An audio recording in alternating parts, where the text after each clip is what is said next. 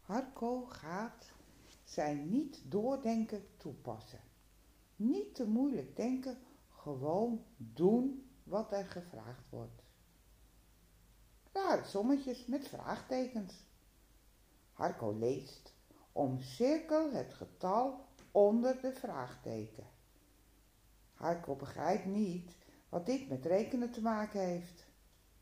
Als ze nu zouden vragen welk cijfer moet je invullen op de plaats van een vraagteken, dan zou je dat moeten uitrekenen. Nee, er staat toch duidelijk. Omcirkel het getal onder de vraagtekens. De stom staat op één lijn en eronder staan antwoorden. Hakker twijfelt wel even. Stiekem kijkt hij even naar of geen van de andere kinderen dezelfde opdracht maakt. Harco, aan je werk. Niet naar de anderen kijken, zegt de juf. Ja, denkt Harco. Wat hij nu doet is eigenlijk een beetje afkijken. Harco omcirkelt snel de cijfers die onder de vraagtekens staan. Zo, dan kan hij nu de sommen doen zoals hij ze leuk zou vinden. Dat zo'n boekje meneer of mevrouw dat niet wil, dat maakt Harco niet uit. Nu hij kan focussen, heeft hij steeds meer tijd om gewoon zijn eigen ding te doen. Harco, wat ben jij met dat papiertje aan het verrunneken? Juf Silvio pakt het papiertje af. Harco wil eigenlijk snel naar de wc gaan. Niet omdat hij kriebeltjes heeft, nee, vluchten, omdat hij weet dat hij wat verkeerds gedaan heeft. Want hij weet dat hij eigenlijk na zijn sommetjes de taalopdracht moet doen. Maar hij vond wat hij bedacht had eigenlijk wel zo leuk. De taalopdracht kon hij makkelijk nog op tijd afkrijgen. Dan neemt Harco een moedig besluit. Hij heeft iets verkeerds gedaan en het is terecht dat de juf hem aanspreekt. Sorry juf, oprecht is Harco. Hij buigt zijn hoofd vol schaamte. Heb de sommen gemaakt zoals in het boekje staat. Omcirkel het getal wat onder de vraagteken staat. Niet doordenken. Harco glundert als hij het zegt.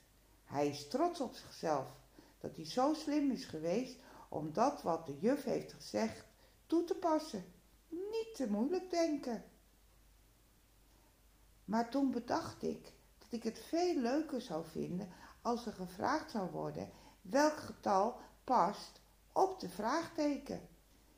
En dat ben ik dus op dit papiertje aan het uitrekenen. Juf Silvio kijkt op het papiertje. Harco, ik wil dat je deze uitkomsten invult in je rekenschrift. Als je dat gedaan hebt, ga je aan je taal. Als Harco de cijfers heeft ingevuld, gaat hij aan zijn taalopdracht. Begrijpend lezen. Een sprookje zijn verhalen die voordat er boeken waren verteld werden, van mond naar mond.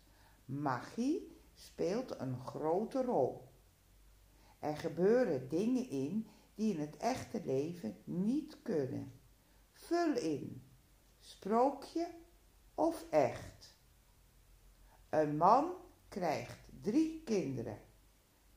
Sprookje of echt? Sprookje vult Halko in.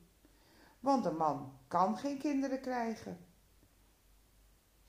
Hij weet nog dat mama in verwachting was. Toen groeide er een kindje in mama's buik. Hij weet nog goed hoe groot die buik was dat zesje erin zat. Harko wist nog hoe mama moeite had met het opstaan.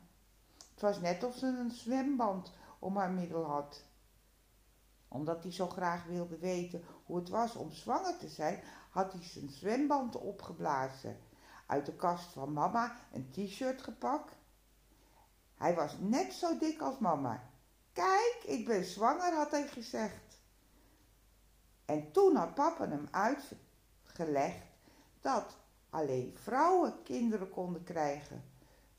Dus de zin, een man krijgt drie kinderen, is een sprookje. Als de juf de dag gaat evalueren, schrijft ze, Harko heeft extra uitleg nodig, begrijpt de uitleg niet bij de sommen. Harko heeft moeite met begrijpend lezen. Thank you.